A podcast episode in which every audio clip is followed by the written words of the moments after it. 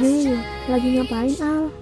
Ini lomba lagi ngeliatin Leti Challenge. Penasaran, banyak banget sih yang ikutan. Oh, kamu mau bikin juga? Bikin nggak ya? Lumayan nih, kalau viral bisa nambah followers kan?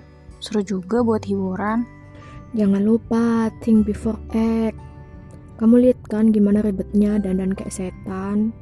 Udah mah habisin waktu, habisin duit, jatuh tabarus pula. Hmm, abisnya gabut banget ini. Tapi ya juga ya, meskipun dandanannya nyarimin kayak gitu tuh jatuhnya tabarut ya.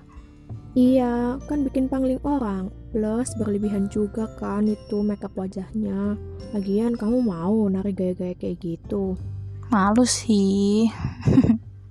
Nah, ini baru muslimah. Punya rasa malu. Lah kalau bergaya dengan memperlihatkan lekuk tubuh, mengundang syahwat, ya bukan muslimah banget. Apalagi kalau misalnya lihat videonya ya, itu kan pasti merhatiin tuh tiap detail gerakannya. Nah, coba kalau cowok yang lihat gimana? Mau investasi dosa.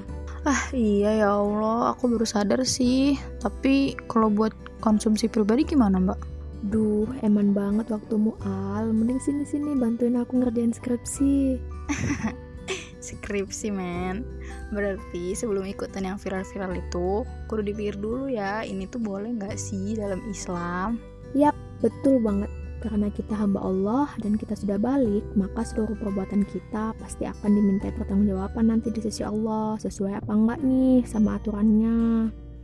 Oh iya ya Astagfirullah Semoga kita dijauhkan Allah dari hal-hal yang maksiat dan sia-sia ya mbak Amin.